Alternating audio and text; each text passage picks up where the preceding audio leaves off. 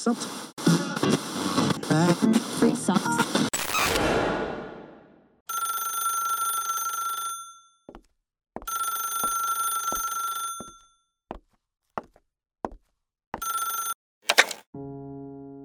Hey, halo semuanya. Lu semua lagi dengerin gue Gary Ardian. Gimana kabarnya hari ini?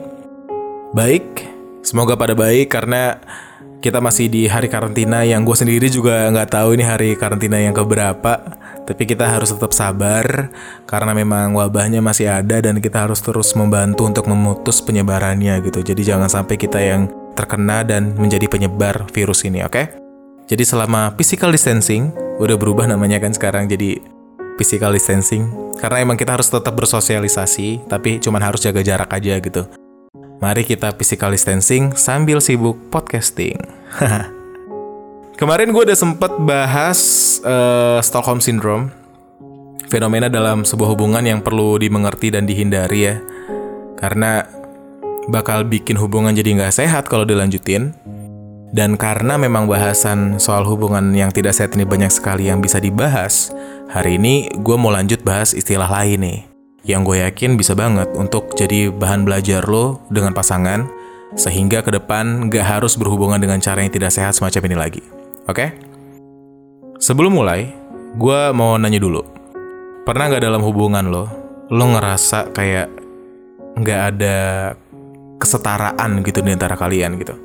kayak di hubungan itu lu tuh nggak punya andil apa-apa untuk memutuskan sesuatu.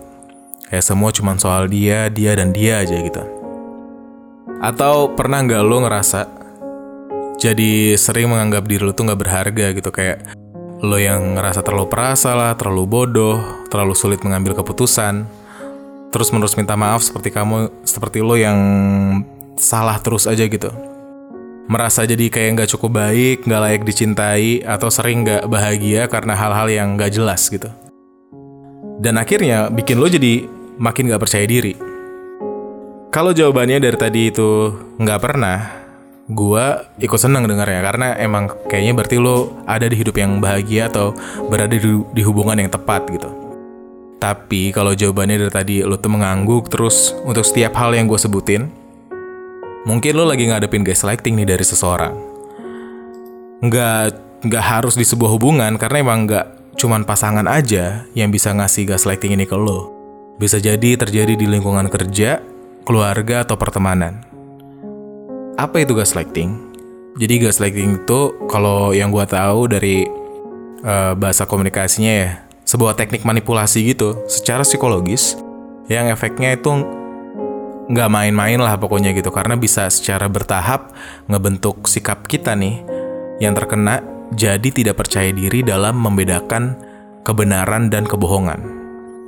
Si korban atau orang yang kena gaslighting ini akhirnya jadi memiliki ketergantungan terhadap si pelaku, baik dalam pemikiran maupun perasaan.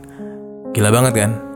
Jadi kita seolah-olah, lo tau kan gaslighting itu apa? Gaslighting itu gas air mata. Jadi seolah-olah kita kayak di dibuat nggak bisa ngeliat hal lain selain fakta atau opini yang diberikan oleh si pelaku gitu kayak semuanya putih aja gitu nggak ada nggak ada fakta-fakta lain yang bisa nyangkut di kepala kita kecuali fakta atau opini yang diberikan oleh dia gitu. Kalau dalam buku Identifying and Understanding the Narcissistic Personality dikatakan kalau pelaku gaslighting berkemungkinan besar itu punya kepribadian narsistik dan arogan. Karena mereka bisa nih menjatuhkan harga diri korban, uh, korban atau ya orang yang kena ya korban lah ya, dan membuat mereka menganggap uh, si pelaku itu sebagai salah satu penyemangat dalam hidup. Lo bayangin, udah kita dibikin buta dengan semua hal, kita masih nganggap dia jadi yang terbaik gitu. Karena ya emang kita nggak punya perbandingan nih, kita nggak punya fakta-fakta uh, lain yang bisa membuat kita percaya diri dan tetap jadi diri kita punya value gitu kecuali kita dengerin kata-kata dari dia gitu pokoknya parah dah gue pernah punya beberapa teman yang bisa dikategorikan narsistik nih. Dan mereka punya hubungan yang nggak sehat dengan pasangannya gitu. Gue tau pasangannya ini nggak bisa ngimbangin sifat narsistiknya yang dipunya sama teman gue. Gue juga tahu hubungan mereka bakal putus kalau kayak gitu terus. Jadi pas ada kesempatan gue jelasin kondisinya. Dan gue saranin untuk ya udah deh setelah beberapa kali lah ya gue udah cukup berusaha untuk eh lo harusnya mengurangi ini dan itu lo harusnya lebih baik begini dan begitu. Pokoknya untuk keduanya gue gua soalnya sayang sama keduanya jadi gue pengen mereka baik-baik aja gitu. Nah tapi uh, kemudian gue lebih menyarankan untuk mereka pisah aja karena kayaknya mereka bakal lebih bahagia kalau misalnya mereka pisah aja gitu. Karena sebenarnya hubungan mereka nggak layak buat diterusin. Selayaknya nih ya tapi selayaknya gue ngomong sama orang yang lagi jatuh cinta udah pasti jadi hal yang paling sia-sia dong. Jadi ya mereka tetap ngelanjutin hubungan sampai akhirnya kemarin gue juga udah lama gak kontekan sama mereka. Beberapa waktu kemudian akhirnya mereka putus. Gak bisa soalnya susah. Ada ada hal yang salah gitu dari hubungan itu gitu. Kita bahas ciri-cirinya dulu deh ya. Ciri-cirinya apa? Kalau misalnya pasangan tuh narsistik dalam dan punya kecenderungan untuk melakukan gaslighting, ciri-cirinya adalah mereka biasanya nggak mau disalahin Biasanya ini tuh terbentuk banyak hal nih faktornya. Umumnya sih karena didikan sejak masa kecil. Nih, you know, kebanyakan masalah di diri kita itu tuh kebentuk dari ah, masa-masa yang kita lewati di masa kecil dulu gitu. Kayak kalau misalnya kita eh, masa kecilnya dididik untuk jadi orang yang selalu benar, gengsi adalah hal yang paling utama, nggak boleh pokoknya seseorang ada yang nginjek-nginjek kita apa pun yang terjadi. Ada kan orang tua yang kayak gitu kan? Biasanya jadi cenderung kayak gini nih. Orangnya jadi ya nggak mudah nggak mau disalahin gitu. Dia merasa paling baik dan sebagainya gitu. Perlahan-lahan terbentuklah sifat seseorang menjadi seperti ini. Atau kalau hal lain bisa juga karena terlalu sering disalahin. Sehingga malah dia jadi pribadi yang defensif gitu untuk tiap hal yang memojokkan dia dia nggak terima gitu jadi ya sebenarnya banyak faktor tapi coba digali masing-masing pasti ada hal-hal yang ngebuat lo jadi jadi seperti ini gitu. Itu harus diselesain dulu sih. Gimana proses terjadinya gaslighting dalam sebuah hubungan? Tentu dengan mengintimidasi. Karena you know diperlukan ada kayak kepercayaan gitu untuk memuluskan proses gaslighting ini gitu. Kayak kebohongan-kebohongan lo itu nggak bakal kena kalau misalnya lo nggak bisa ngebentuk suatu apa ya, opini yang akhirnya bisa dipercaya gitu. Karena harus bisa dipertanggungjawabin. Kurang lebihnya gitu, masuk logika lah gitu. Supaya akhirnya nanti bisa menggerus otak yang pasangan gitu atau orak otaknya korban dengan hal-hal yang nantinya akan jadi dasar untuk ya you know bisa percaya kepada omongan pelaku gitu setelahnya gitu. Pokoknya lo bisa jadi nurut karena awalnya lo uh, dibikin percaya sama dia gitu setiap sanggahan yang dikasih sama si korban itu bakal terus disanggah balik dan kesannya nggak mau disalahin, you know. Kalau ini gue sebutnya komunikasi itu untuk saling mengerti bukan untuk saling menjawab. Nah si gaslighting, si gaslighternya, pelakunya itu cenderung bakal ya terus-terusan mendebat sesuatu gitu, terus-terusan menjawab tanpa memikirkan sebenarnya apa yang yang jadi win-win solution di antara kalian gitu ada yang penting dia ya udah gue uh, menyampaikan terus aja lu sanggah gue gue sanggah balik kayak gitu terus. Akhirnya jadi komunikasi untuk saling menjawab gitu. Terlebih lagi apabila korban sebelumnya belum pernah dengar apa itu gaslighting dan berhubungan dengan seseorang yang cenderung melakukan ini imprinting lah yang bakal terjadi. Pernah dengar gak imprinting itu apa? Jadi imprinting itu adalah meniru atau menganggap benar suatu hal yang pertama kali dilihat, didengar, atau dirasa. Jadi hal yang biasanya dijadikan contoh dari imprinting adalah anak angsa yang baru lahir. Ketika diperhatikan, anak angsa yang baru lahir itu bakal mengikuti benda pertama yang dilihatnya. Makanya ibunya bakal terus ada di samping mereka sampai mereka menetas, supaya nanti pas menetas mereka tahu, oh ini ibu gue, jadi gue harus ngikutin dia. Begitu juga dalam sebuah hubungan, pergaulan, atau lingkungan. Kalau kita belum pernah kenal sesuatu mengenai uh, hal yang kayak gini, kita bakal cenderung mempercayai hal mempercayai hal pertama yang kita alami. Kayak kalau misalnya pengen ngelantur dikit nih ya, begitu juga dengan konsep agama kan. Kita harus kita nih seharusnya itu memilih agama kita sendiri ketika kita sudah cukup umur supaya uh, semua pilihan ada di tangan kita gitu. Ya gue sih karena gue tahu uh, agama yang diturunkan oleh orang tua itu adalah imprinting yang bisa jadi nggak sesuai dengan keimanan kita. Jadi waktu gue punya kesadaran itu, gue pelajari sendiri agama buat gue itu apa. Dan akhirnya gue sekarang memutuskan untuk berada di agama yang gue percaya sekarang. Yang untungnya agama yang gue percaya sekarang itu sama dengan agama orang tua gue. Jadi ya, lucky me.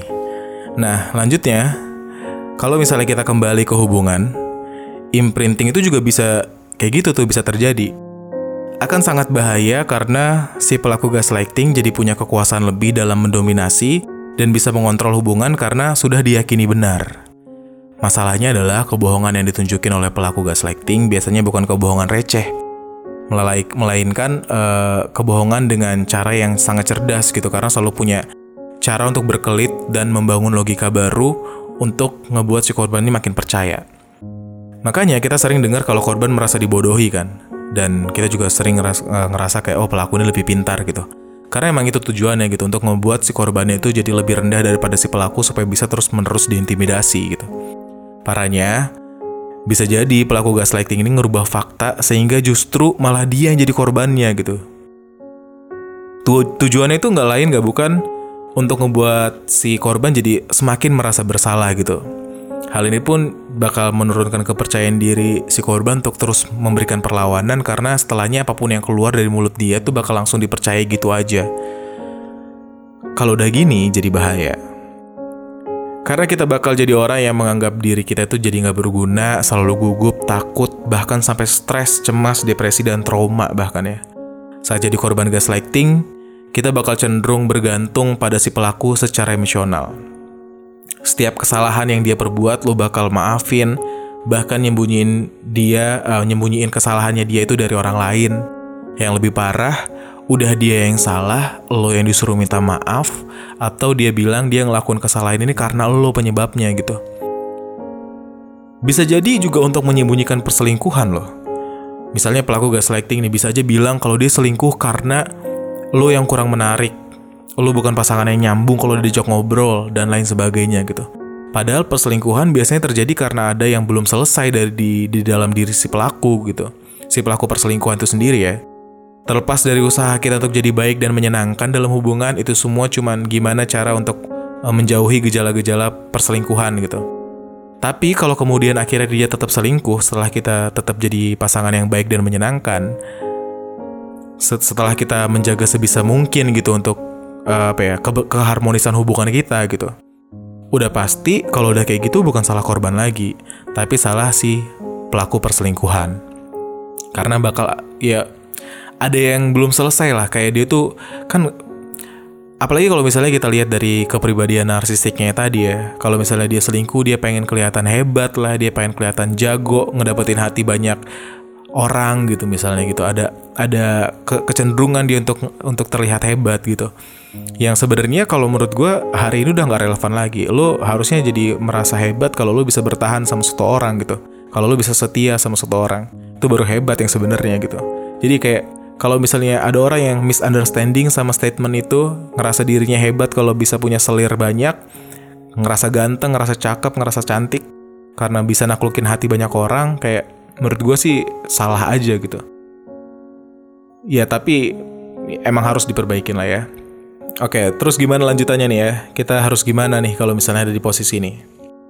Dalam buku Gaslight Effect, How to Spot and Survive the Hidden Manipulation Other People Use to Control Your Life, disarankan untuk kita mengambil waktu sebentar untuk memikirkan kelanjutan hubungan ini.